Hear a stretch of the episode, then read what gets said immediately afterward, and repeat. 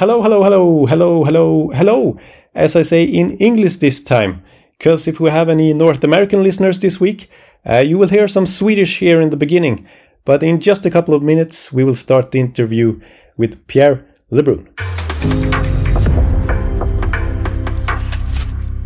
En podcast från Aftonbladet. Avsnittet presenteras av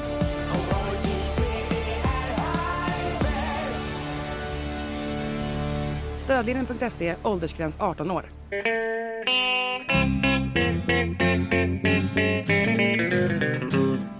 Hello out there, we're on the air. It's hockey night tonight.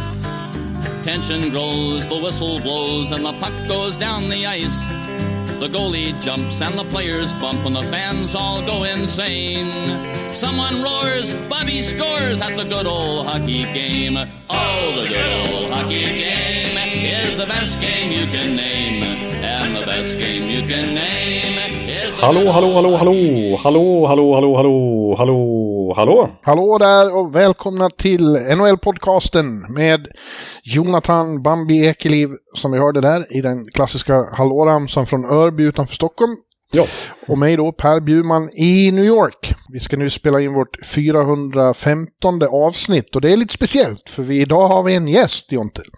ja precis. Eh, det är väldigt speciellt ju. Och det är inte vem som helst heller tycker jag, utan eh, det är eh, en eh, högst prominent person inom NHL-världen kan man väl till och med säga. Ja, det är eh, Pierre LeBrun som är en av Nordamerikas främsta hockeyskribenter och hockeyröster på tv och radio, podcastar och allt. Och har varit i många år. Och vi har bjudit in honom och nu ska ni helt enkelt få höra oss prata engelska och till och med lite franska. Vi som knappt kan... Just det, det så, så blev det. Ja. Och ja, det är väl bara att släppa loss eh, den, eh, det lilla samtal vi just har haft då, Jonte.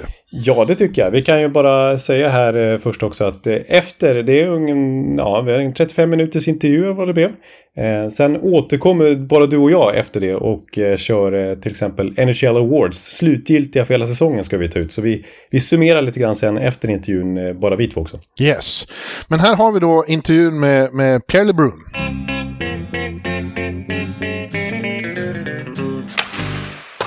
Well, uh, it's it's a great honor for me and for us to to introduce uh, our guest today, one of the most prominent hockey writers and hockey voices in North America, uh, Pierre LeBrun.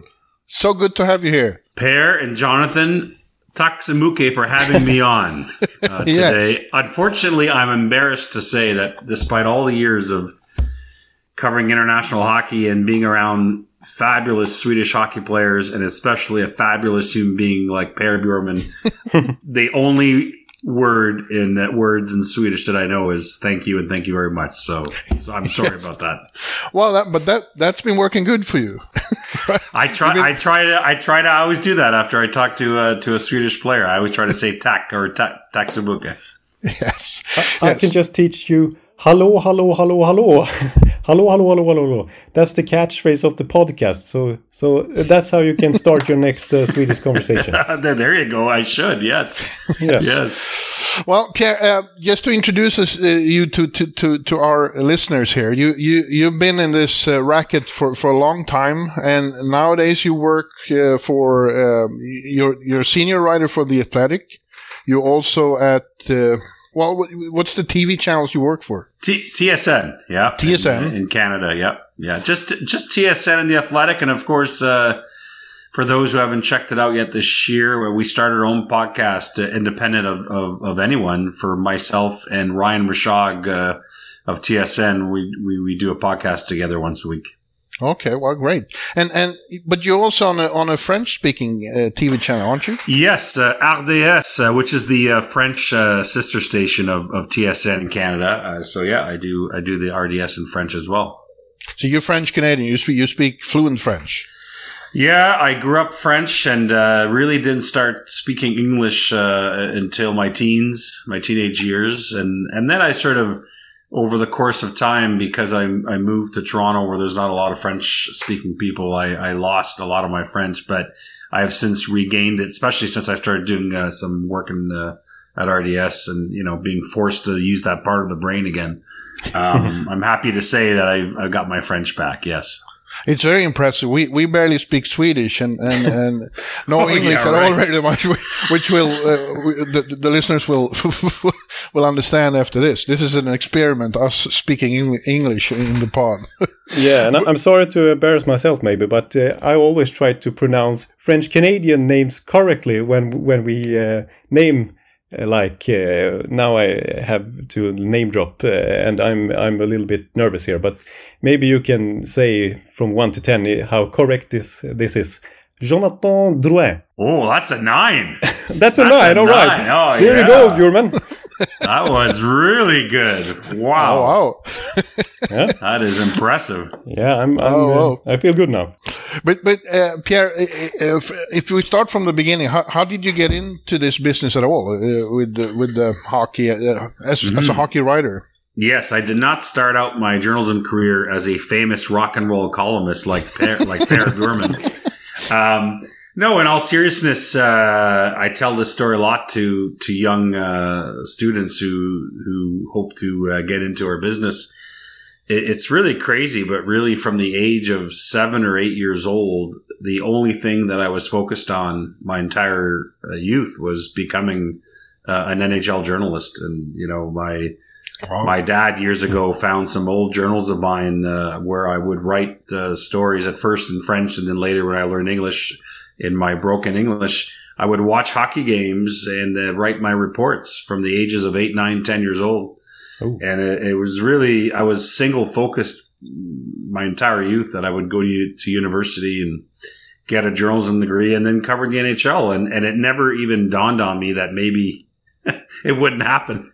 I was very single minded about it and, uh, and had great support from my parents in pursuing it. And, uh, lucky, luckily enough, uh, I've been doing it uh, since 1995 uh, when I started. Uh, I was 23 at the time and, uh, 28 years later, here I am. Wow, that's really impressive. You, you sound like a player when they talk about how they're focused on on, on becoming a hockey pro. Well, um, I, I suppose in terms of the single-mindedness, uh, I mean, Yes. you know, and when I, in fact, when I was 16, I, I grew up in a very small town in, in northern Ontario, in the, you know, the, in the north part of, of the country, a town of 5,000 people where, uh, you know, hockey was the, the number one thing. And, and when I was 16 years old, aside from still playing myself, I worked for the town newspaper, which was a weekly newspaper, and I, I I covered the, uh, you know, the, the men's beer league as we call it. Hmm. Uh, you know, just just guys playing hockey, uh, and I wrote articles for it because there was a lot of interest in, in, in the in the beer league. Though there were a lot of fights in those games, and a lot of people would come out and watch it in our small town. And I was 16 and and and writing, you know, six, seven, eight hundred word stories about that league, and and uh, it, it was really challenging. Uh, I, I I'm scared to even go back and look at how those stories look, but but it honestly it really prepared me just as much as going to university. Doing that at 16, it, it really gave me a taste of what I felt could possibly be a living one day, and uh, I'm lucky that that's been the case. Yes. Wow. Wow. That's uh, that's a a great story, Pierre. Yes. Uh, and here we are, uh, many years later, in the season uh, 22-23. And uh, just in general, where do you think uh, uh, NHL right now is? It in a good state, or are we in trouble, or, or where are we? Well, I think on the ice, it's it's it's in a pretty good state, and we can get to off the ice after. But on the ice, I actually wrote about this this week in the Athletic. But um, you know, it's an historic season uh, in terms of the offense. Um, uh, the league right now is averaging, uh, as we tape this, six point three seven goals total per game, which is the highest since 1993-94 Yeah. uh, in terms of the offense, and, and it's really crazy. There's also some crazy power play numbers. The league as a whole, when you include all 32 teams, the league is averaging a 21.4 uh, success rate percentage wise on the power play, which is the highest since 1985 86 uh, as a league average on the power play. Hmm. Um, and of course, led by the Oilers, who the Edmonton Oilers are at north of 32%, uh, which has never been done in league history since the NHL started counting tracking that's power play ridiculous. percentages in 77. Yeah. So it, it's really, if your thing is goals and your thing is offense, the NHL is, uh, is really at a place now where it hasn't been in a very long time. So from that perspective, it's amazing. There's always concern off the ice uh, about you know some of the things that are happening. Um, you know, I think the Arizona Coyotes playing in a college arena in front of five thousand people is is of great concern. I think to the league, even if it Yeah. say so publicly. Yes, and, and we also had some. You wrote about this uh, recently too. There, there's been a lot of controversy around the. the well, we may call it a. We should call it a fiasco with the Pride Nights. Yes. All the, uh, Yeah, and it's funny. I I, uh, I actually just finished taping a podcast earlier today, uh, pair with uh, Brock McGillis and Bane Pettinger uh, joined Ryan Mashog and I on our podcast, and those two guys have been doing incredible work. Uh, um, you know, in this space, and it was really emotional podcast actually to know. You know what those guys went through before they came out, and and now really doing so much work to try and make hockey a safer place, and and and just hearing their comments about the kind of year that it's been with uh, some of the issues with Pride Nights in the NHL. But but I, as they said themselves, I mean, let's start with the fact that the vast majority of NHL players are very supportive. Yes. I mean, I mean, I mean, it really becomes unfortunately what grabs the headlines is you focus on the players who aren't. But the reality is, most NHL players really do want to take part and and be supportive, and and that's an important place to start. But uh, having said all that, it, it has felt overall like a season where, like a gut punch at times, where you thought we were past, maybe naively for me anyway, thought we were past some of these issues, and and you know, I I, I wrote the article a couple of years ago. I was honored to where the young hockey player Luke Prokop came out and. Hmm. And uh, he's a Nashville Predators draft pick, and um, you know, 19 years old when he did it. And, you know, I just remember feeling, man, like the sky's the limit now. You know, here Yeah. we go. Like the world's in a better place. And, you know, let's be honest, it certainly hasn't felt like that at times this year. No, it's it's it's very disappointing. But at- at the same time, as you as you point out, we we're in a much better place than we were twenty or thirty years ago when you know when we started out. What it, what it was in locker rooms back then. Yeah, no question. Just have to keep, you know, it's all about education. You just have to keep uh, having discussions, and and and certainly from my point of view, like I'm a lot more interested in having these discussions behind the scenes, and and hope that you know players take time to reach out to people like Brock, Brock and Bain, or you know even me as as an ally to that community. Um, you know, I just I feel passionate about the sport just continuing to educate and get better in that in that space. So yeah, no, I'm glad you you brought that up there. Yeah. Well, since this is a, a Swedish podcast, I need to ask. you, I know you've been you, you've been dealing with a lot of Swedes throughout the years, and, and just in in uh, in general, what's your what's your feeling about Swedish players, and, and who are the best you've been dealing with? Ah, Swedish players are awesome. You know that. I I, I love. It's funny. Uh, just recently, I caught up with Mateus Ekholm after just after he got traded from uh, from Nashville to Edmonton, and and I hadn't seen him in a couple of years, and I was reminded of what an awesome dude he is, and just had a Yeah. great conversation with him, and I wrote about how excited he was to be, you know, in Edmonton and to be playing with Connor McDavid, and I, I think that's going to end up being one of the best trades of the year um, in my mind, and uh, but just such a thoughtful guy who, you know, what, what you hope for, as you guys know, uh, as a reporter, you just hope when you have these conversations with players that they are actually listening to your questions and Yeah. and and and and you know have a meaningful conversation and and uh, I, I thought Echo that day again it reminded me that every time you talk to that guy he's he's such a thoughtful conversation. So he's he's definitely one of my favorites. Victor Hedman's always been amazing.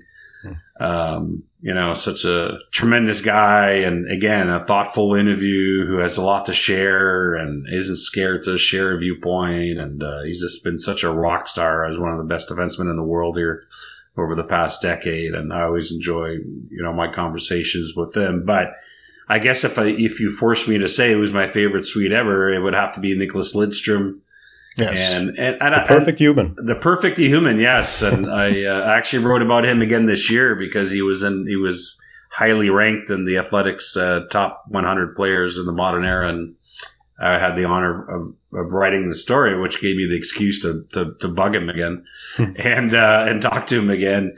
And one of my favorite parts of that story was was hearing from people in the Red Wings organization that said, you know, now Lidstrom writes he writes up scouting reports for the Red Wings. Can you imagine as part of his duties? And and of course, someone in the Red Wings organization telling me, and not surprisingly, they are perfect. Of course. of course, of course. Well, I remember Pierre, you, you did a, a long feature about him in in, in the uh, ESPN magazine uh, back in the day, uh, and I remember him actually reaching out to you uh, just to thank you and said it, it was the greatest piece anybody ever wrote about him, and that's that's uh, an honor for you, but it's also typical Nick to to, Well, to right. I, I, I don't remember him saying it was the greatest piece ever written about him, but he did he, he did reach out uh, to to thank me for for writing it, which I thought was unbelievable. A guy of his stature, whose name is all over the Norris Trophy, all over the place, and for him to take the time to do that, yeah, that was that was very classy. But that's what he is. He's you know, I, I, I think about the classiest players that I've ever played in the NHL. You know, uh, the late Jan Beliveau was often the name that you will hear from those great Montreal Canadiens teams, how he treated people on and off the ice. Hmm. You know, Nicholas Lidstrom is right in that mold. That's exactly the, Hmm. the person that he's been. Uh, and that's why I think it was so important for Steve Eisenman to to reach out to Lidstrom last year and and and offer him a job in the organization and a meaningful job. Like uh, you know, Nicholas Trim, of course, can't do something halfway, so he's Wow. really into this, trying trying to trying to help Steve Eisenman build this hockey team again.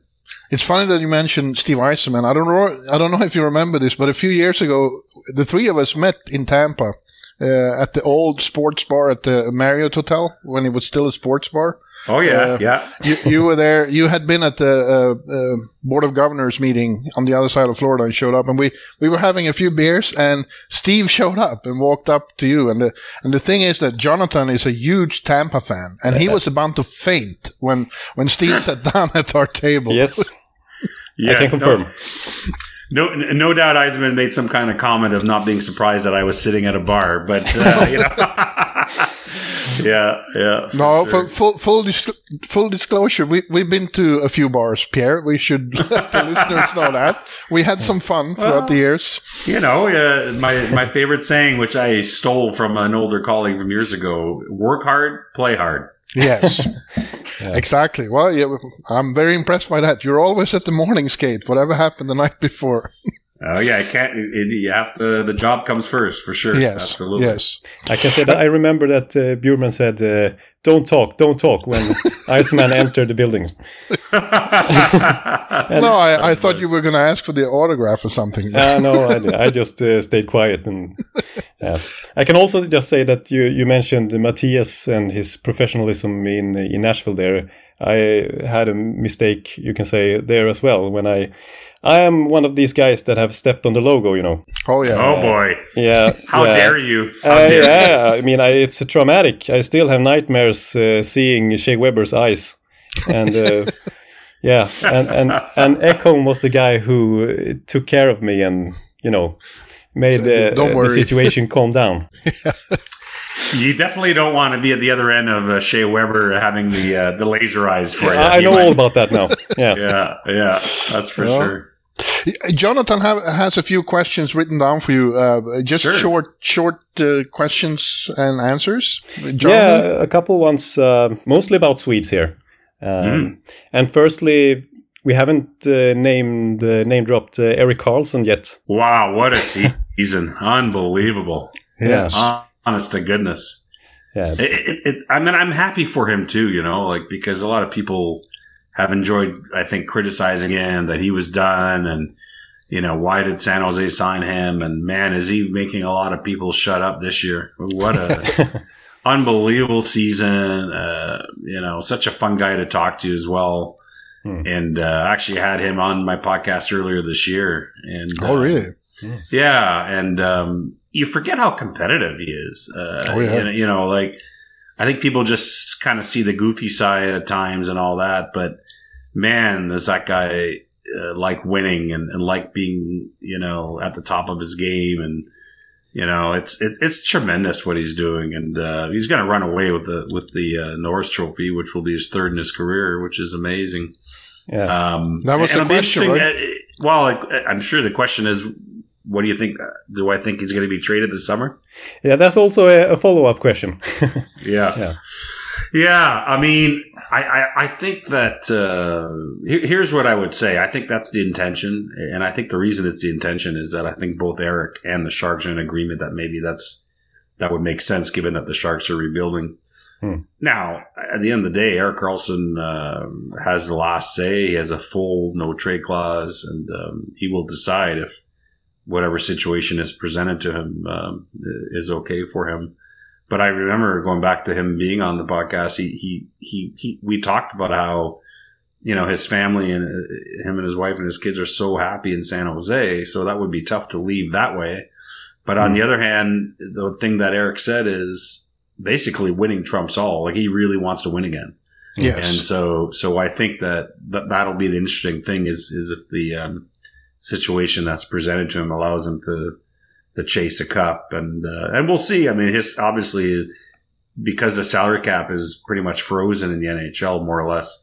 Hmm. It is hard to take on a contract that has four more years at 11.5 million a year. Let's face it, it no matter who you are. Um, Yes. Hmm. and so that, that's what makes it difficult is how much money is San Jose willing to retain in, in an Eric Carlson trade. But I do think that that'll be the certainly the intention. We'll see if it happens. Mm.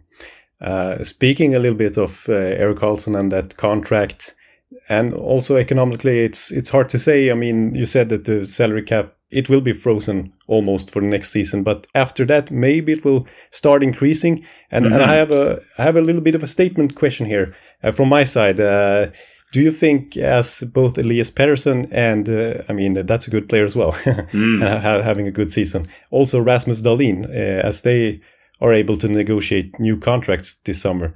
Do you think one of them will be able to like beat Eric's contract? Oh boy, that's a good question. um, they're coming off their, uh, you know, they still don't have the full leverage of what a potential UFA would have, right, compared to RFA. So Yeah. uh, it does limit you a bit in negotiations. But having said that, I could see both the Canucks with with Pedersen and the Sabers with Dahlin wanting to go the max in terms of the term of the deal. They wanting to go eight years. And in fact, the Sabres have been super aggressive signing a lot of the young players ahead of time. Yeah. Um, and, and I could see that happening here um, in terms of an eight year deal for Dahlin. Yeah, good question. What would be the AV for each guy? Yeah, I mean, you know, I got to think at least nine to 10 million a year if it's going to be eight years for Dahlin, at least. yeah, I think so too. Maybe both will actually crack double digits. Yeah, that's very possible. And you know, listen, there's no question what teams are trying to do in general i- i- is try to convince these guys if they take a bit less that that they could build a deeper team. And you know, we've seen that with Colorado. I mean, let's not kid ourselves. I mean, Nathan McKinnon should be making more than what he signed for, even though it's a lot of money. Yeah. I mean, you know, so so that's why it's always hard to judge these situations in a vacuum because you know sometimes teams try to convince these players of the bigger plan and and where this all goes. I mean, I you know, um, and, and you know, Kale McCarr already is underpaid Yeah. on his eight year deal. It's crazy. Yes. Bruins Um, been good at that, right? To to have Yeah. um, yeah. But good, but you know what? Good job by Pasta though. I thought David Pasternak and his agent JP Barry because I think even though the Bruins have a very disciplined salary cap culture, I like to call it, Hmm. um, I, I still think that David Pasternak broke through, um, get the contract in front of me. Yeah, eleven point two five million a year. Hmm. Um, pretty pretty big raise on a team that doesn't do double digits. So you know, so they kind of found found the happy medium there. I thought. Speaking of uh, Bruins, do you think uh, Linus Olmark can win the Vezina? Yeah, I think he will hands down win the Vezina Trophy. Um, Yes. I don't even think it's going to be close. Um, that's a funny trophy too that is not voted on by uh, NHL writers, but actually by the GMs. Yes. Um, uh, so as you guys know, of course, but I'm just for the listeners. Um, you know, so the GMs sometimes have funny ideas about the top goalie. But I think in this case, it'll be a slam dunk. Yeah. And, and talking about Swedish goaltenders, a big story here in Sweden and obviously in Minnesota as well. Uh, Philip Gustafsson, do you think he has any chance of getting votes? I, I don't know. He'll get some probably, but I- probably not as many as you think because he's had to share the net with Marc Andre Fleury, and and I think I think when the GMs vote on this, traditionally they really look for guys who have had the net um, almost every night. And I guess you know, in a way, you could argue Olmark's out to share a lot of the net with Jeremy Swayman, but but I think what would hurt Gustafsson is that even though he's had this unbelievable year, the GMs look at it and say, well, who's the number one in, in Minnesota? You know. Um, Yes. You know, so so I don't I don't think he'll probably get as many votes as you think. Well, uh, Minnesota is the new uh, Detroit Red Wings uh, around. Right. they have they have so many Swedes, it's unbelievable. Well, that so I, I guess that means you're going to be there in the playoffs, Bear. Yeah, well, I, I was just there the other weekend actually for the first time. I never seen a hockey game in in Excel Energy Center. It was it oh, was great, great. place. Yeah, great place.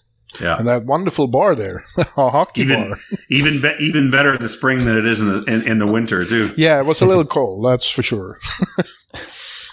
Yeah, but now that we've been speaking so much about great Swedish players, uh, we're longing for international play, and I guess you are as well. Uh, Yeah. When do you Yeah, think we will see best on best hockey? Well, I, I, mean, listen, just so people are clear on this, it's not that the NHL and the NHL Players Association don't want to have uh, best on best. They absolutely do. They were they really wanted it for next year in, in February of 24. Yeah. But uh, but as you guys know, uh, canceled the 24 World Cup uh, because of the issues with Russia. Yeah. And um, the problem is, even though the NHL still says that it, it's planning and hoping for a World Cup in, in February 25, Mm. and so is the NHLPA, the same circumstances that led to canceling the 24 event are still there now. Yes. So uh, at the end of the day, and I've said this on TSN a number of times over the past few weeks, this is really up to the P- NHLPA in my mind that they, they have to get um, they have to get their players to accept that if they want best on best, they have to do it without Russia, Yes. and and and so that's it. There's no other conversation. I, I mean, Sweden, Finland, and Czech Republic would never play Russia. exactly. right and, and and you get it. Absolutely. So you know the idea that well you know it's it's an nhl event it doesn't matter what the rest of the world thinks. Well it does. And so um i, I think there's no question that's the only option is to bring back best on best. But uh, accept that russia won't be part of it and then you know after and then so we'll see whether or not that happens for the world cup in 25 and then of course you get the winter olympics in 26 in, in italy which uh, the NHL and the NHLPA um, have agreed they, they want to go to, Hmm. but have, but still have to uh, you know negotiate uh, uh, you know the documents with the IOC and uh, and the IHF. But again, the the Russia thing will be there again. So Yes, I mean, that's the reality of the world. We, we've been discussing here a separate series that would be great if NHL got involved with, let's say, a, a series between Canada and USA and a series between Sweden and Finland. It would it would be, I know in Sweden and Finland it would be crazy uh, big if, if if if they got you know best of three between Sweden and Finland. So you mean a replay of the 2006 Olympic gold medal game, and, then, Yes. and a replay of the tw- of the 2010 Olympic men's gold medal game? Okay, that's what you're talking about. yeah. I was there in Torino for Sweden Finland. That was that was amazing, and, and and you know I've talked to Swedish players about this from that team over the years, and most recently Lidstrom in that same article I was referring to, but. I, you know, as a journalist, you don't cheer for anyone, but I was so happy for the Swedish guys that year in Torino because of what they went through in Salt Lake City four years before, and you know, Yes. the, the way that a lot of you know the whole team was treated after losing to Belarus in the in the newspaper there, and so that was a sweet redemption four years later for those guys. Holy, Yes, but uh, you don't think uh, that kind of a series, uh, Team Canada and Team Yeah. USA, wouldn't that be great? No, I think it'd be it'd be tremendous. I mean, there's a long history of that kind of thing. Uh, you know, maybe for your listeners that are younger, they don't remember this, but that's really what the kind of thing that actually is, is all we used to do because uh, NHL players didn't play in the Olympics back in the day, and and so you had like the Summit Series between the Soviet Union and Canada in '72, and and then you know you'd have a lot of these sort of you know in 1987 it was um, I don't know if you guys remember that, but Rendezvous '87 in Quebec City was uh, NHL All Stars against Soviet Union, so you had players of all kinds of nationalities playing for NHL versus Hmm. versus. So uh, there's a long history of just basically saying, hey, what what would be fun and what would be intriguing, Yeah. and uh, yeah, I, I I love that idea. I think you know, I, I- I suppose that's the way around the Russia issue for sure. Um, you know, but I just hope there's something because, uh, you know, never mind the fact that we and the fans can't wait to see best on best again. But when you have people like Connor McDavid coming out and talking about it, it tells you where the players are. Yes. Mm, Yeah, mm. that's for sure. Yeah, they would love to. You you, you always hear that. Yeah. Well, Jonathan, I don't know how much more of, of Pierre's time we should take up, but but uh, I wanted to just uh, um, ask what you what you uh, what do you think? Uh, it- were you just ten or nine days away from from uh, from the regular season being over, and then the best time of the year starts? Uh, wh- wh- what's your thoughts and feelings about the playoffs this year? Well, one of the things that is, is shaping up to be unbelievable are some of the first round matchups between uh, you know the two and three teams in each division. It, it's just crazy. It's like Yes. a Stanley Cup final in the first round. I mean, Rangers and Devils, if Yeah. that's what it ends up being, is going to be crazy. Uh, Toronto and Tampa again. And with the pressure on the Maple Leafs, the Maple Leafs. So so w- the calendar just flipped to April. 19 Aprils ago, 19 years ago in April 2004 is the last time the Leafs won a first round playoff series. Yeah. Just to yeah. put that in perspective. But, you know, in, in the West, it, it's just as crazy. I mean, you saw the game between Edmonton and LA last night. That could be the first round um, again, which is, I mean, those two teams might be the two teams that have played the best hockey in the whole NHL in the last six weeks, Edmonton and LA. yeah, And um, and then of course, you know, is it Colorado, Minnesota, or Minnesota, Dallas? I mean, all of the first round series that will have two against three is going to be like a mini Stanley Cup final to me. It's going to be unreal. yeah. And there's going to be a, a lot of great teams uh, Going out. immediately. Yes, yes, yeah. After all that work around trade deadline. Well, they- think about well, think about the Lightning. I mean, you know, they've been such a powerhouse for the last three years, and and um, you know, such an amazing body of work with two Stanley Cups and a and a going to the Cup final last year. You know, they they traded basically the rest of their draft picks for Tanner Janot. I mean, I mean, they literally don't have to go to Nashville this year Yeah. Yeah. for the draft. I mean, I mean, I mean. Uh, here, let, let me bring it up on Cap Friendly here. Let's let's see what Tampa has left here for their draft. I'll tell you right now, they have their first pick in the 2023 NHL draft is in round six. I mean, they literally could just stay at Tootsie's until late in the second day. And then, uh, and maybe even make that bar. pick from, and maybe even make that pick from Tootsie's. I mean, why even go to Bridgestone Arena? Just uh, you know. That's true. That's crazy. Wow. But my point is, imagine if they if the Leafs finally win and, and Tampa's out. I mean, there's nothing to be ashamed of if you're Tampa. No no one's been better than them. But that's still, you know, sort of sobering to think about. You know, are we definitely bouncing back next year? You know, don't have any draft picks. It's crazy. Yes. Out of personal interest, uh, do you dare choosing your winner in that series? And I want you to, like, you know, say one team here, but uh, yeah. yeah, no, I, I, I haven't decided yet. I wait till the season to fully be over, and then I go through the numbers and I kind of trust my gut feeling to.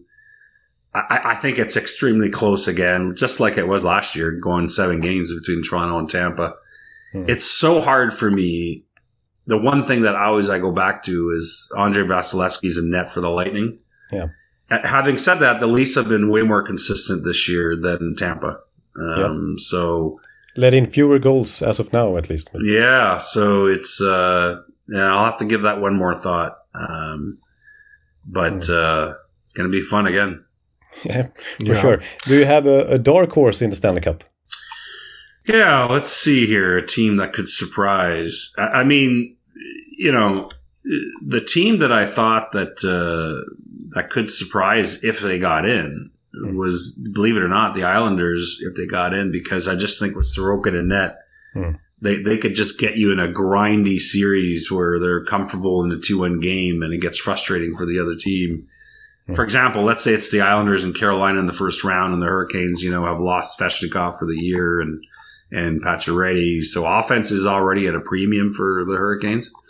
Um, you know, if you're looking for a big, massive upset, I could see the recipe there with Sorokin just shutting the door. Oh. Um, I'm not saying it's going to happen, but I'm just saying when you look Yeah, for it's an upsets, interesting thing. Yeah, really absolutely. interesting. yeah, you know, you, you look for different things. Whereas in the West, to be honest with you, if uh, if it ends up being Seattle and Winnipeg as the two wild cards, I, I don't think those two teams can knock off a big guy. I, I just think the top six teams in the West right now are playing amazing hockey, Yeah. and uh, you know I don't see those two wild card teams in the West having the ability to do that. But we'll see. I've been wrong many times. How about the Bruins? Do you think anyone can stop them? You know what? I, I do. Uh, I- you know, listen. Obviously, they're the odds-on winner to win the cup, and uh, they're they're easily the deepest team in the league. But one of the things, Pear, I always do when I think about these things is I, I don't just take this season, but I think about the year before, and then I think about is there sort of a, a, a realistic medium between what happened last year and this year, and, and and who this team really is. The Bruins jump in the standings is pretty dramatic uh, from a year ago, and and and while I think they're absolutely full value for the historic season that they're having, as we saw with the Lightning in 2019 that won 62 games, I was there when Columbus beat them. The NHL is the NHL is a crazy league, and the difference. And I, I players talk about this with me all the time. The difference between you know one and eight in this sport is way tighter than any other sport. Yeah. And you know, Brad Marchand himself, when he was uh, in Toronto a few months ago, you know, talking about the Bruins and how great their year was, he said, "You know what?" He goes, "We go right back to reset at come playoff time because no one's going to care about what our record was." Yeah. And so clearly, they're a veteran team that's talking about that in, in the locker room. You know that Yes. they know that Yeah. just because they, you know, they may end up with I don't know Florida or Pittsburgh in the first round. That's not going to, you know, it's not going to be a cakewalk. But they, uh, with, uh, with Marchand and, and Bergeron and, and Krejci, they, they have uh, leaders that they've been around the block before. They've been to a few finals and, and won Mhm. one. And a great blue line. I mean, Hampus Lindholm is having an Yes. unbelievable season. Yeah. You know, they, they add Dmitry Orlov. Charlie McAvoy is a total stud. I mean, it really is a team that has it all. But but you asked me the question if it was possible at all that they could lose. It is possible because it's the NHL. I mean, Yes. uh, the, the idea that that that you have teams like the 80s Oilers or the 70s Habs that that you just don't see losing. That's not the league we have today. No. It's not set up that way. The salary cap doesn't allow you to concentrate that much more talent on one team than than other teams. Yeah, if I remember correctly, that Tampa Columbus year 19, all the division champs actually lost to the wildcard teams. Right. Right. And again, it's it's you, want to say how stunning it is, but the reality is it happens all the time in the NHL Yeah. since the salary cap. Yeah. Well, finally, then, Pierre, what, what bars do you think we'll meet in? Uh, Well, well, let's see here. Probably not in the first round. If you're going to Minnesota, I I think I'm going to go back and forth between Toronto and Edmonton. no, I'll be here in New York for the first round. I'm sure of that. Yeah, well, that's right. Devils Rangers, you can't miss that. But uh, I predict, uh, I predict that we meet, uh, you know, somewhere in Colorado, maybe at some point. Who knows? Yeah. Oh, we had fun there last night, uh, last year. Last year, yeah, yeah, that was Yep. for sure. Good stuff. Well, Pierre, thank you so much for doing this. We we really really appreciate it. It was great having you. It was an honor to be on, my friend.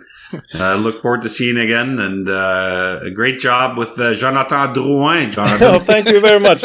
and maybe we'll see each other uh, in, um, say, Tampa in June. Oh, he'll be there. It could be. But let's put it this way: Yeah. wherever the cup final is, you will see me. So there. Oh, okay. Uh, I'm sure about that.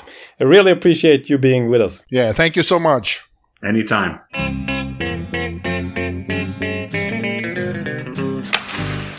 Ja, eh, det där var det. Nu har ni som sagt hört oss eh, försöka uttrycka oss på, på andra språk än svenska. Eh, och eh, det gick väl okej. Okay. Det var väldigt trevligt att ha Pierre. En, en mycket god vän och en fantastisk eh, hockeyjournalist.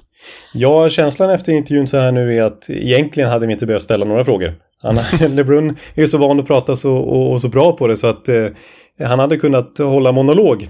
Eh, betydligt bättre än vad jag försöker göra. Ofta. Ja. Ja, ja, men han är ju väldigt van vid det. Han är ju mycket i tv och på Hockey, eh, Hockey Night in Canada och på alla, alla sådana här trade eh, deadline-sändningar, de har maratonsändningar så är han med och eh, liksom breakar nyheter och har analyser. Och, ja, han är ju proffs, ut i fingerspetsarna. Precis, vi som hänger mycket på Twitter kan ju oundvikligen undgå Pierre om man följer NHL. För det, det, han är ju en av de stora insiders som finns ju. Ja, som, som ju framgår där intervjun, vi har ju eh, hängt en del genom åren ute på on the road och så. Man, och man ser vilken enorm respekt han har med sig bland eh, både spelare och ledare och andra journalister och så. Ja. En gång vi var ute och gick i Los Angeles så Patrick Roy kom gående och liksom nästan kastade sig i famnen på Pierre. Och så, Monsieur Lebrun. ja. ja, och jag vet ju själv eh, den där gången som du refererar till med Iceman i Tampa. Ja, just det. det. det. var ju så att eh, liksom, det var ju snarare väldigt tydligt så att det var Iceman som sökte upp LeBrun och inte tvärtom. Ja, precis. Mm. Ja. ja, det var roligt att, att, att, få prata med honom. Men nu ska vi äh, väl avsluta det här med lite vanligt äh, bludder mellan dig och mig. Ja, nu blir det klassiskt här. Nu, nu kommer ni känna igen er igen här. ja. ja. På ett sätt måste jag säga att det känns lite skönt att prata svenska. Det gick väl helt okej, okay, men det är ju det är ju en, eh, lite stappligt när man ska uttrycka sig på, eh, på ett annat språk. Ja, jag ska ju föreställa van eftersom jag bor här och pratar engelska varje dag. Men eh, eh jag förstår att du, men jag tycker du skötte det alldeles utmärkt. Du fick ju till och med beröm för din franska. Ja, det, är ju det jag är nöjd med. Det, jag växte ut tre centimeter kan jag säga här hemma i Örby. Ja. Eh, det, var, det var bra självförtroende boost. Jag har inte riktigt fått samma omdömen från dig när jag har försökt prata franska i podden. Så det, jag, jag kommer bära med mig nu vad LeBrun eh, sa. Du, du är bättre till och med på franska än på norska som ju ska vara ditt andra språk. ja, just det. Just det. Ja, nej, men det, jag kanske ska söka lite lektioner här snart. Jag, jag, ja. ja. ja, men du, jag tänkte vi bara skulle ta och titta nu på... det är ju som sagt bara nio dagar kvar av grundserien och eh, ja, inte mycket mer kvar innan slutspelet börjar. Det börjar måndag den 17. Sista grundserieomgången är fredag den 14.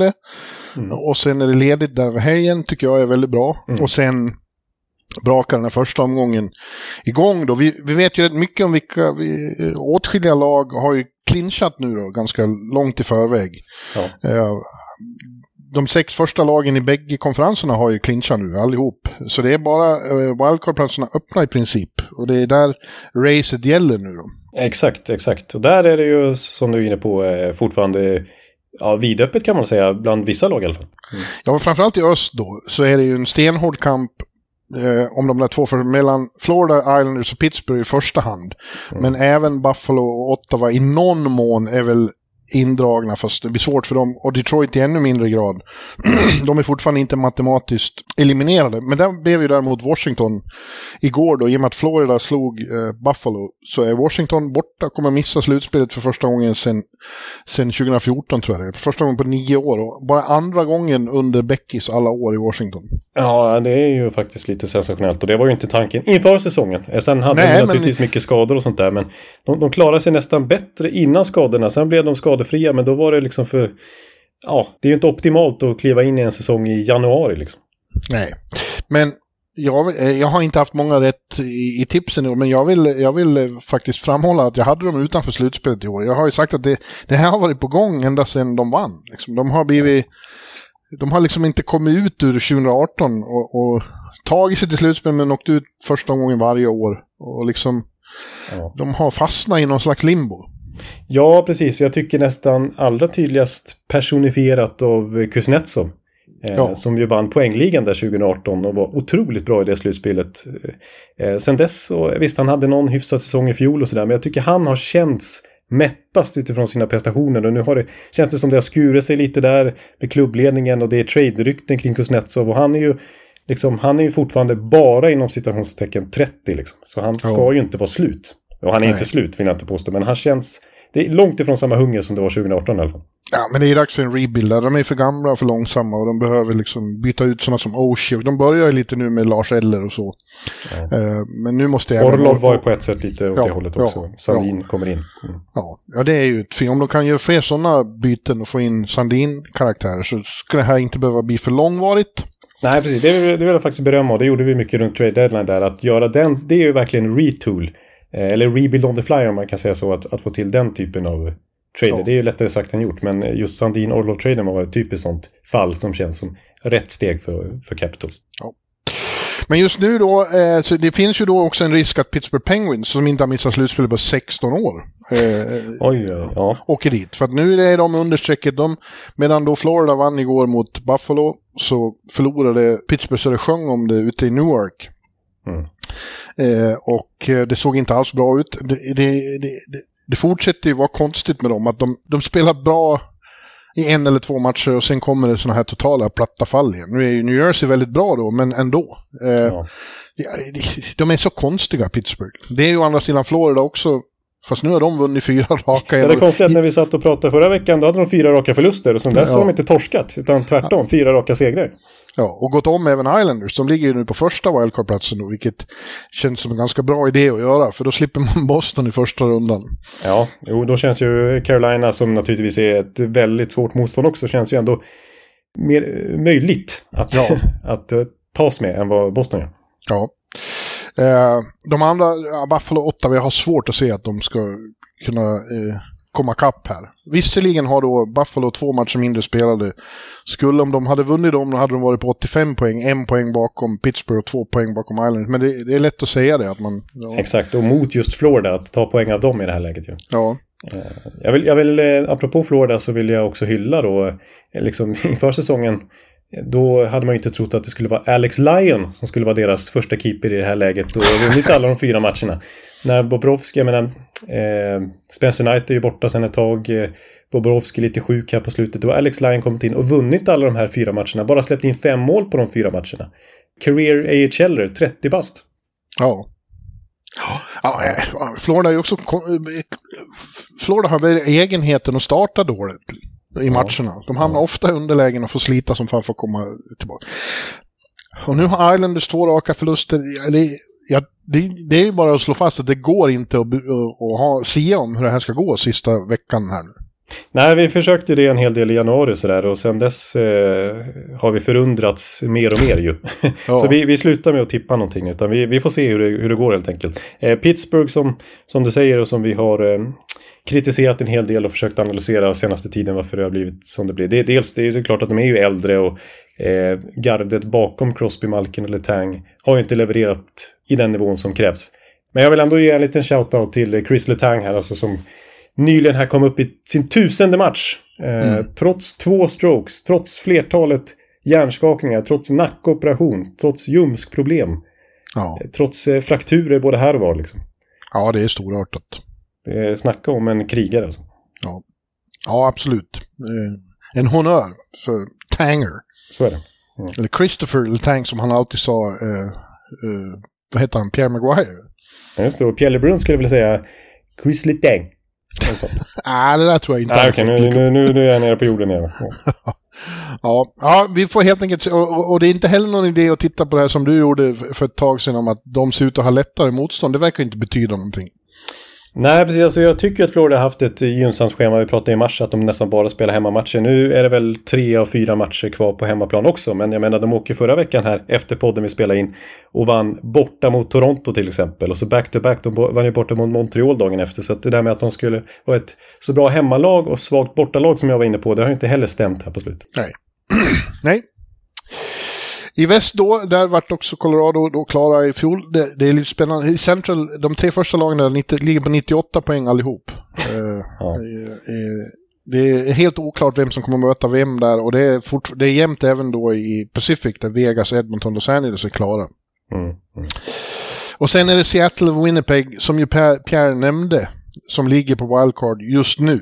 Eh, Calgary hade en lysande möjlighet att, att göra det här riktigt spännande igår.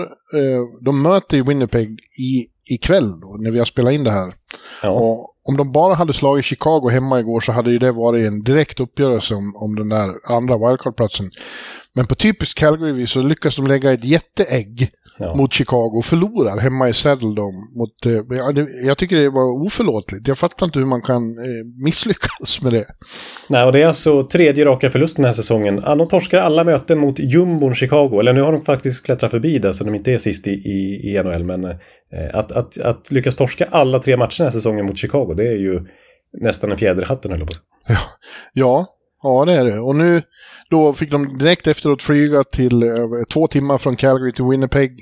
Kom fram mitt i natten, har en tung förlust i benen och ska nu gå upp mot Jets. Eh, det, det, det ser svårt ut alltså.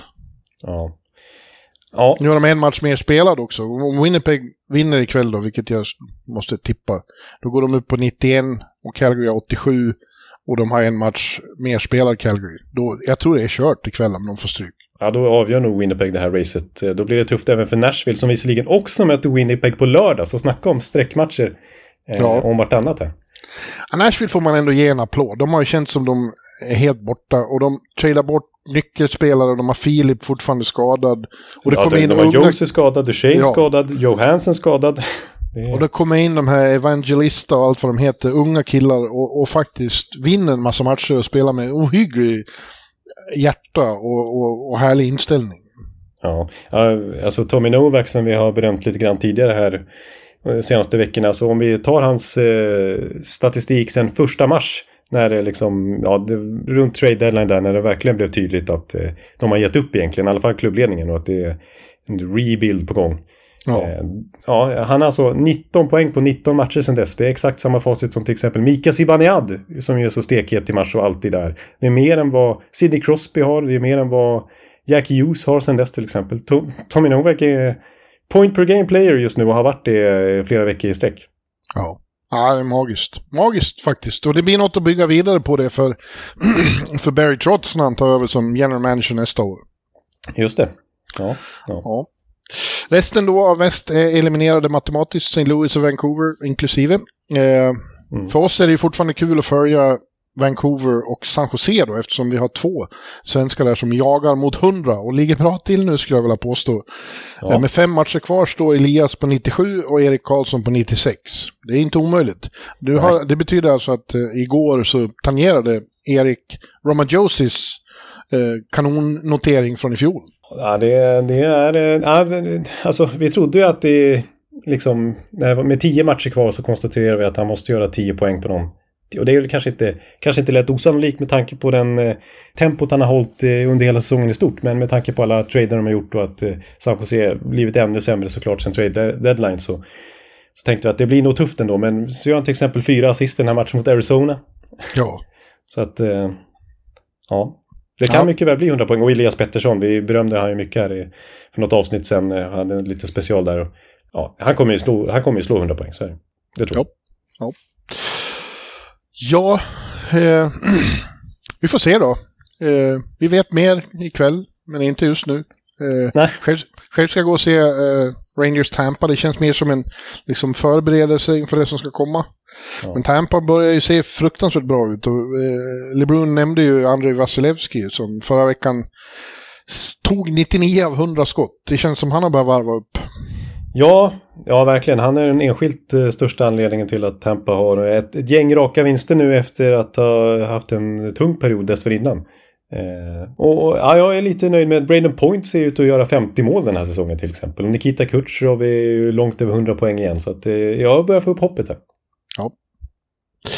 Ja, men hörru du. Nu ska vi avsluta den här podden med vår sista då, Awards-föreställning. Ja, precis. Eh, och det är då den sista. Jag känner mig lite kluven inför det här, för jag ska ju rösta på riktigt. och borde väl egentligen inte avslöja i förväg. Men du har gjort en lista, så vi förhåller oss till den. Ja, så kan du få indikera lite utan att säga eh, uppenbart här om du håller med eller inte. så, säga, Ja. ja. du, du kommer kanske inte avslöja din topp 5 ballot så att säga som du själv ska formellt Nej. skicka in. Ja, just det. Eh, Men okej, men då kör vi då. Och vi börjar ju alltid med eh, det mest prestigefulla priset, Hart Trophy till ligans MVP. Ja. Och det är ingen diskussion där. Nej, du, du kan ju få säga, du behöver ju, det kommer förmodligen vara anonymous som man säger.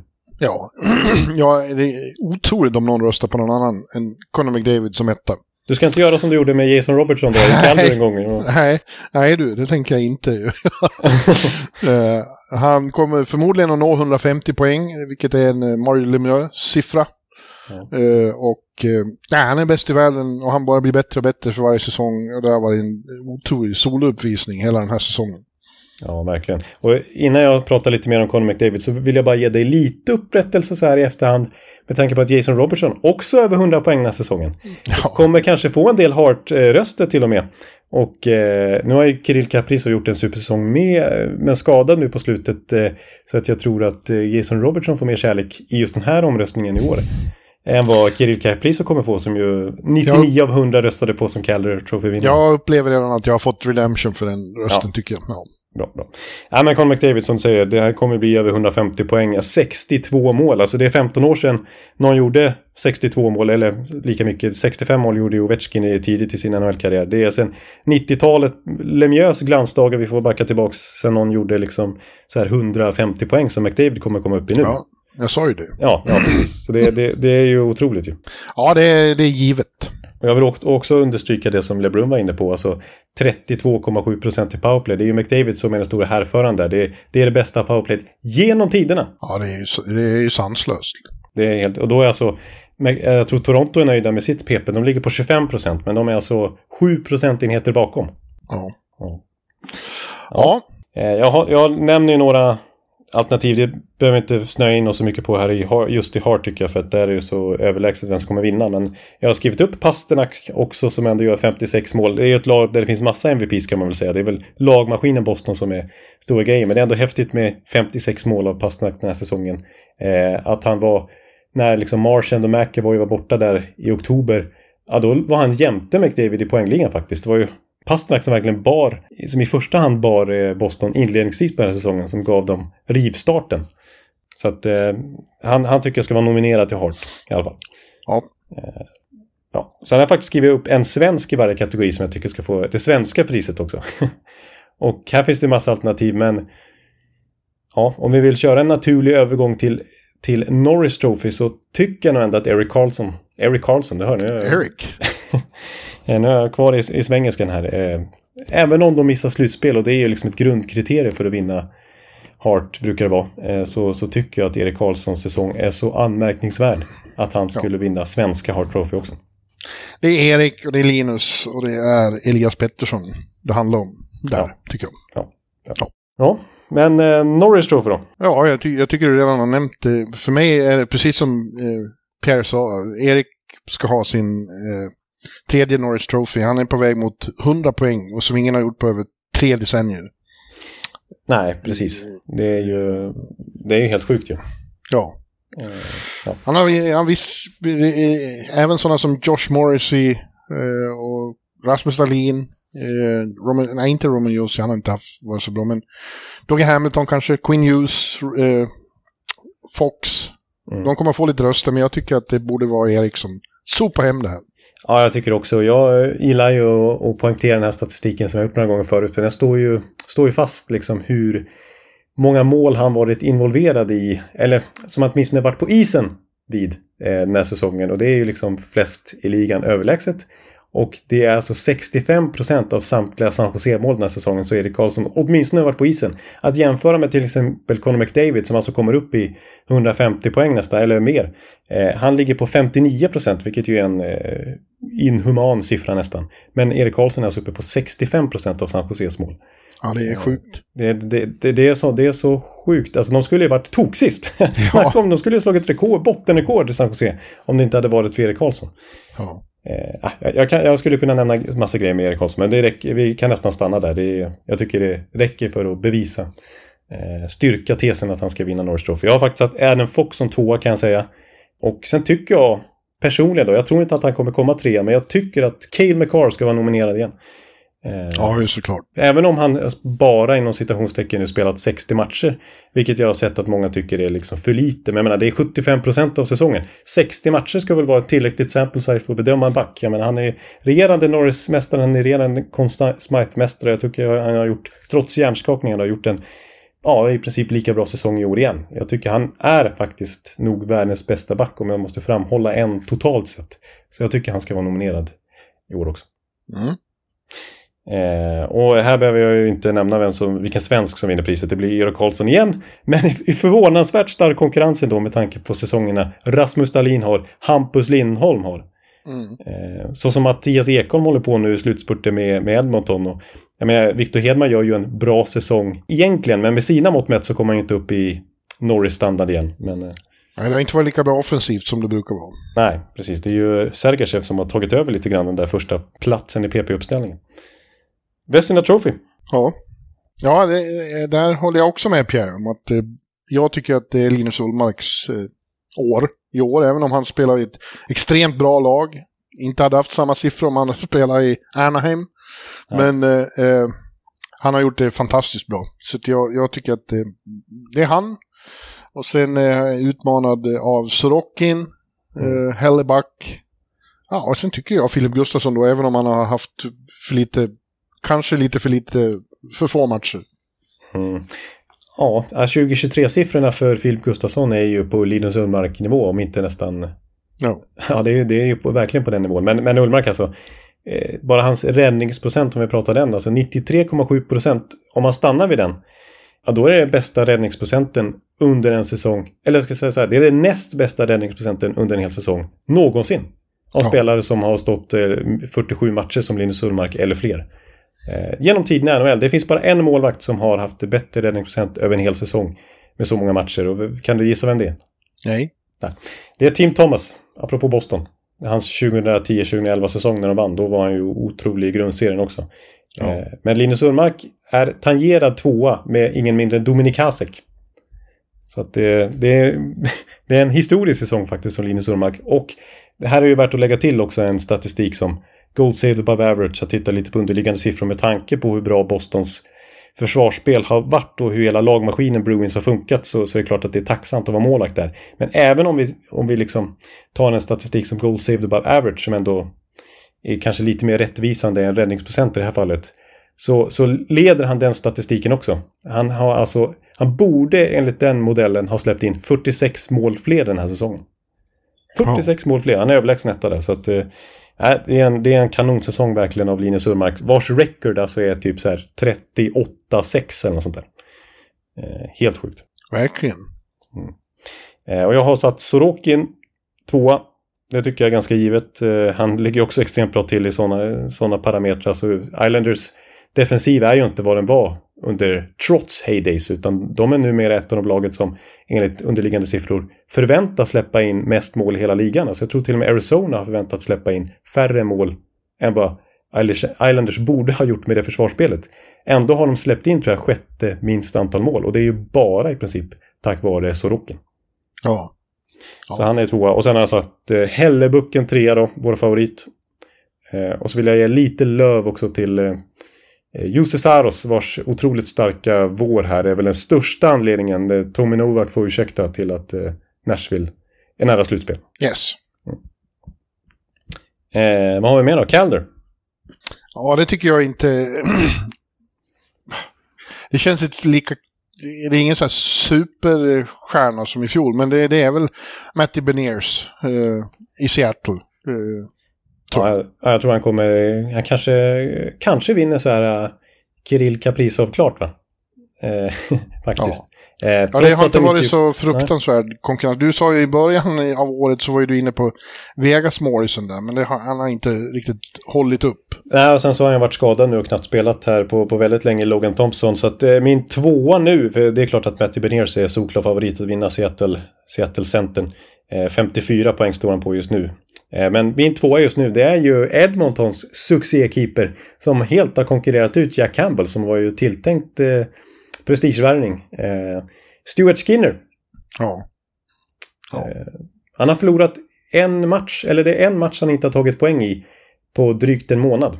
Han är ju... Jag menar, Edmonton går ju som tåget nu när, när, när Skinner är, är gjuten första keeper. Ja. ja, kul för honom och kul för dem. Tråkigt för Jack Campbell. ja, precis som sitter alltså. Det, när liksom de blev av med Mike Smith och, och Koskinens kontrakt där och så band de ju upp sig direkt kan Holland. Nu ska vi inte klaga för mycket på Holland efter till exempel Mattias Ekholm-traden då, men han eh, grämer sig nog lite över det här stora kontraktet med Campbell. Eh, för kollar vi på underliggande siffror där också så i just Gold Saved Above Average så ligger eh, Skinner på plus 11. Jack Campbell minus 15.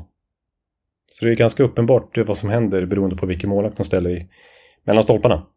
Eh, ja, min, min trea här som jag tycker ska vara nominerad det är ju då draftettan från, vad blir det, 2021 va? Owen Power. Ja. Mm. Eh, inte helt kontinuerligt, men han har varit på väldigt hög nivå emellanåt. Ja, precis. Får ju enormt förtroende bakom Rasmus Dahlin där. Rasmus Dahlin spelar enormt mycket. Men det skulle man nästan kunna säga faktiskt om Owen Power och framför, också. Och framförallt i ett rookie-perspektiv. Alltså vi får backa till 2008-2009 säsongen med eh, Drew Doughter där för att hitta en eh, spelare, en rookie som har haft eh, mer istid per match än vad Owen Power haft den här säsongen. Yes. Och, och spottat upp sig poängmässigt nu. Nu är han över 30 poäng efter att ha knappt gjort några poäng i början av säsongen. Don Granato är väldigt bra på det där att ge unga spelare förtroende. Nu har de ju matchat sin målvaktsrookie också. Eh, Levy, ja. Mm. De Devon Levy. Han fick till exempel stå supermatchen mot Florida igår. Kanske viktigaste spelare säsongen. Jag tycker det där är beundransvärt att, att han är så orädd för att ge de unga spelarna så mycket chanser. Liksom. Och eh, ja. framtiden ser ju, även om de nu missar slutspel, framtiden i Buffalo är enormt ljus. Ja, den är ju verkligen alltså. De blir spännande att snacka upp inför nästa säsong. Ja, det blir eh, För det är ju inte bara Tage Thompson som vi, som vi chockade över. Alltså, nu kommer Owen Power kommer säkert ta steg nästa år. Jack Quinn och JJ Peturka och Dylan Cousins och det är ju så många så att... Ja, och så mm. plötsligt kanske ha en målvakt också. Det har vi inte haft på många år. Nej, tänk om Levi skulle visa sig vara eh, den de kan hålla i handen. Mm. Ja. Mm. Ja. Eh, eh, bland svenskar här ska, där finns det ingen som är, är, kommer få speciellt många Calder-röster här och bli nominerad. Men ja, jag väljer att nämna Jonathan... Jonathan? Jonathan? Nej, eh, jag, jag nu uttalar som ett eget namn. Eh, Jonathan Berggren. Ja. ja, det tycker jag. Mm. 14 eh, mål ändå sin första säsong här. Man trodde kanske snarare i början av året, eller början av säsongen blir det väl, eh, på Elmer Söderblom eller Simon Edvinsson eh, i Detroit. Ja, Bergen fick ju börja i, i AHL igen, men så ja. fort de tog upp honom så började han spruta in mål och sen har de behållit honom. Ja, precis. Och han är ju en stor anledning till att de behandlade Vrana lite styvmoderligt och skickade iväg honom. För de ville ju inte att eh, han skulle sno en plats från till exempel Berggren. Det känns som att Berggren är en given del av eh, Detroits eh, framtidsplaner nu. Absolut. Mm. Jag tycker man kan nämna Nils Åhman i Vancouver också. Han mm. var inte med så mycket från början men nu på slutet har han ju varit, ja, han gjort det riktigt bra. Ja, precis. I ett Vancouver som, ja vi nämnde väl det för några veckor sedan, går starkt här under tocket eh, under våren. Alltså skulle ligan ha, ha börjat när han tillträdde som coach, då skulle de alltså vara topp 10 i ligan. Eh, Väldigt Vancouver, så var lika i fjol. ja, det är precis. Och Elias Pettersson spelar sitt livshockey. Ja. Eh, han är ju dock ingen rookie. Nu måste vi snabba på. Jag har en grej som jag måste göra här. Ja, okej. Okay. Ja, men då hoppar vi vidare. Vi har bara tre stycken kvar här. Vi har Selke, vi har Jack Adams och vi har GM of the Year. Eh, Selke, du vet ju vem som vinner den. Ja, det lär Patrice Bergeron göra. Det är ju hans pris och han har haft en enastående säsong. Ja, han är nominerad i över ett decennium redan eh, och fortsätter och, och, han kommer vinna. Han har alltså varit inne på 18 baklängesmål 5 mot 5 på drygt 70 matcher den här säsongen. Det är liksom minst i ligan. Det, det är osannolikt att bara vara inne på 18 baklängesmål. Ja. På en hel säsong. Eh, till exempel McDavid, 61 baklängesmål. Bershon, 18 baklängesmål. Du hör ju. Även om. McDavid är inne på väldigt många framåt också. Eh, sen eh, väljer jag faktiskt att lyfta fram två spelare här. En, en ytterforward som jag alltid gör. Jag, jag slänger in Mitch Marner som Selke-kandidat. Ja, men det gör du rätt i. Han, ja. är, väldigt, han är väldigt bra. Mm. Ja, precis. Given är deras boxplay i, i defensiva situationer överhuvudtaget. Det här är statistiken som jag gillar att dra fram. Puckstölder. Etta i hela ligan, Mitch Marner. Ja.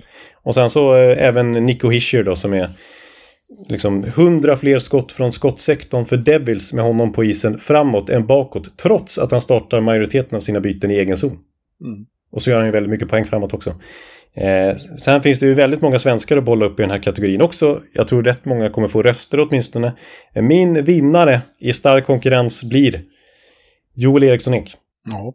Jag, då pratade vi om det redan förra veckan, att uh, Gerard Gallant sa ju att han tycker Mika Zibanejad borde vara med i, i uh, den här diskussionen. Ja, nej, men det pratar vi lite om. Och du har ju skrivit, haft med det i någon krönika också va? Här på slutet. Ja, ja Eller kanske citat. bara... Ja. ja, precis. Nej, men det är precis. Han är ju... Han ska nämnas. Eh, faktiskt. Han spelar ju alla situationer och, och, är ju extremt bra på liksom, eh, detaljer och sånt. Precis, Riktigt- han är den forward i Rangers som spelar mest i boxplay till exempel. Och är liksom första valet även framåt. Så han är ju... Snacka om 200 foot player som Galant vill Precis. understryka. Ja. Eh, jag tycker en, eh, sen är det de klassiska Mikael Backlund ju en väldigt bra säsong. Har otroliga underliggande siffror när det kommer till defensiva situationer. Samma sak som vanligt med Elias Lindholm. Eh, jag vill, en, en som har nämnts tidigare men som kanske varit lite bortdömd senaste åren men som fått väldigt stort defensivt förtroende i år igen. Och gjort över 50 poäng i år igen. Det är William Karlsson. Eh, speciellt nu när eh, Mark Stone har varit borta mycket i Vegas så har William Karlsson fått ta ett stort, ännu större defensivt ansvar. Och har också väldigt fina siffror i defensiva ageranden. Plus att han ju såklart levererar offensivt också. Vilket ju man ska ha med i beräkningen. Även i Selke. Ja. Nu får jag Fan vad andas. fort du pratar nu. Ja. Hinner du andas? Nej, jag, jag pratar snabbare på svenska än på engelska tror jag. Det- Ja, men eh, sen är det eh, Jack Adams då. Årets coach, där finns det inga svenskar att välja på. Nej, det här kan vi strunta i. Här får Rickard Grönborg till exempel vänta. Eh, men eh, nej, jag tycker det är givet att det är Jim Montgomery. Ja, visst är det så. Det, eh, det finns... Det skulle vara en oerhörd chock om någon annan vinner det. Han ska ha det. Precis, och han har ju gjort ganska betydande justeringar i spelsystemet också. också liksom. Ja. Eh, så att... Eh, eh, nej, han har ju en enorm påverkan på, på detta Bruins eh, lagmaskineri. Eh, jag tycker tvåa, jag tycker inte det finns någon anledning att, att bara liksom peta bort Rod Brindamore, fjolårsvinnaren. Bara för att det är liksom kul att ha lite nya namn. Jag menar, de gör ju en kanonsäsong i år igen, Car- eh, Carolina. Ja. Det är Kanske är Lindy Ruff som ska ha det. Det hade de inte trott när de skrek Fire Lindy. Nej, verkligen inte. Alltså, på ett sätt så tycker jag väl att han ska kanske nomineras och på ett sätt tycker jag att Andrew Brunett nog har väldigt Ja. mycket med det här att göra också. Men det vet vi inte, det är bara Nej. något vi tror. Ja, precis. Det är spekulativt. Ja. Eh, Jag kastar in, eh, det blir ju lite pikant då att, att Montgomery får ordning ordentligt på Boston och så ska jag då eh, kasta in hans eh, företrädare här till en nominering också, Bruce Cassidy. Och han har fått bättre ordning på Vegas än vad det har varit på något år här. Absolut. Ja, och då ska vi säga att då har man ändå spelat liksom sin andra, tredje, fjärde, femte målvakt ofta. Eh, Aldrig sin första keeper leder. Nej. Som han har varit skadad hela säsongen. Så det har varit optimala, även om det har haft betydligt färre skador totalt sett i år jämfört med i fjol. Så, så har de ju gjort en kanonsäsong och fått ordning på, på mycket bitar där igen, Vegas. Jag tycker väldigt mycket om han i, i eh, Edmonton, vad heter han? Eh, Ja, Jay Woodcroft. ja, Woodcroft. Och faktiskt till Flyers-fansens då, antar jag, förvåning, så har Dave Hackstall gjort det väldigt bra också. Ja, i Seattle, ja. Ja, Absolut, ja absolut. Och det, det är lite konstigt är att eh, liksom, även Cassidys företrädare i Vegas som de var trötta på där, Peter Bohr har gjort det bra i Dallas också. Ja. Men i Vegas blir de trötta på coacher fort. Ja, det är, Cassidy, hans femårskontrakt eller vad det var, det är ju borta snart. Ja, Så är det. ja. Eh, ja, men då har vi General Manager of the Year och jag väljer att det här det är Boston hela vägen här alltså, för det är svårt att inte ge det här priset även till Don Sweeney. ja. Ja, det är lysande. Han som tog in Montgomery insåg att det var dags att gå vidare från Cassidy. Han, det, det i sin tur övertygar väl Bergeron att förlänga karriären, att få Krejci att komma tillbaka från Europa. Eh, det var ju en eh, superb deadline får man säga, där med, med Orlov eh, och Bertuzzi dessutom ju. Men vad gäller det här så, som vi har sagt förra gången när vi hållit på med det här, är det något pris som borde delas ut först efter slutspelet så är det ju det här. Ja. Det är först då man vet om, om det de gjorde vid trade deadline till exempel fick önskad effekt. Tänk om de Kanske- åker ut i första rundan. Ja, då kanske Billy, Billy, Billy G i Minnesota är mannen som ska ha det. här. Ja, jag tycker nog att Billy Garin, eh, om nu priset ska delas ut idag, eh, kanske ska få en eh, nominering åtminstone. Eh, med tanke på, han är lite bakbunden också med de här stora utköpen av Parisi och Suter. De har, jag menar, han var ju tvungen att göra sig av med en fjalla bra spelare inför säsongen. Och, och, och, eh, Och sen har han ändå varit bank åt andra. Liksom. ja, precis. Bara en sån sak. Och ändå så kanske de vinner divisionen före regerande Stanley Cup-mästaren. Det är ju, och, och utan Kirill Kaprizov här på slutet. Det ska klart vara, såklart vara en fjäder i hatten även till coachen Dean Everson. Men eh, Bill, Billy G där gör ju ett eh, kanonjobb i Minnesota, så är det.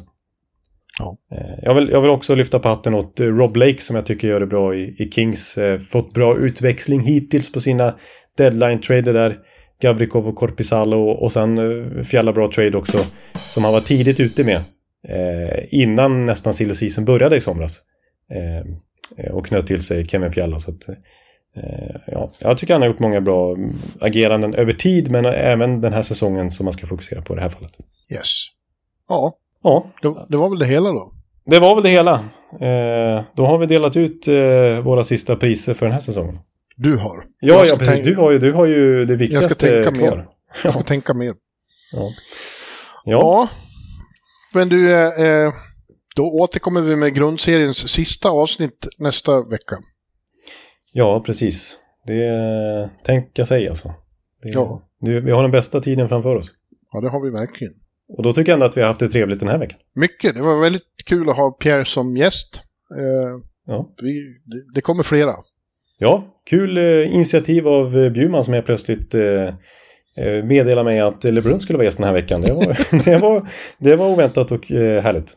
Ja, Eh, ja hoppas, hoppas det var kul att lyssna på också. Nu eh, eh, måste jag hasta vidare. Ja. Eh, och som sagt, eh, vi har mycket att prata om även nästa vecka så att eh, lyssna oss gärna på oss då också och vi tackar för, för denna vecka och på återhörande. Hej då! Hej! Hallå, hallå, hallå. Hallå, hallå, hallå. Alex Chiazot, Joe Luis Arena och Esposito. Esposito. Uttalsproblem, men vi tjötar ändå. Och alla kan vara lugna, inspelningsknappen är på. Bjuder Hanna Kohl, han är grym i sin roll. Från korresoffan har han fullständig kontroll på det som händer och sker. Det blir ju allt fler som rattar in hans blogg. Och lyssna på hans podd. One, two, three, speed, so Hallå, hallå, hallå. One, two, three, speed, so Hallå, hallå, hallå. Ekeliv, som är ung och har driv. Verkar stor och stark och känns allmänt massiv. Han hejar på Tampa och älskar Hedman. Sjunger som Sinatra. Ja, och där ser man. Nu är det dags för refräng. Dags för magi, Victor Norén. Du är ett geni. Så stand up at home and remove your hats. Höj volym, för nu är det plats. One, two, three, speed, so Hallå, hallå, hallå. One, two, three, speed, so Hallå, hallå, hallå. One, two, three, speed, so Hallå, hallå, hallå. One, two, three, speed, so Hallå, hallå, hallå. Det er utroligt længe siden mor, der samtidig også har råd. Hallå, hallå, hallå. Det er utroligt længe siden mor, der samtidig også har råd.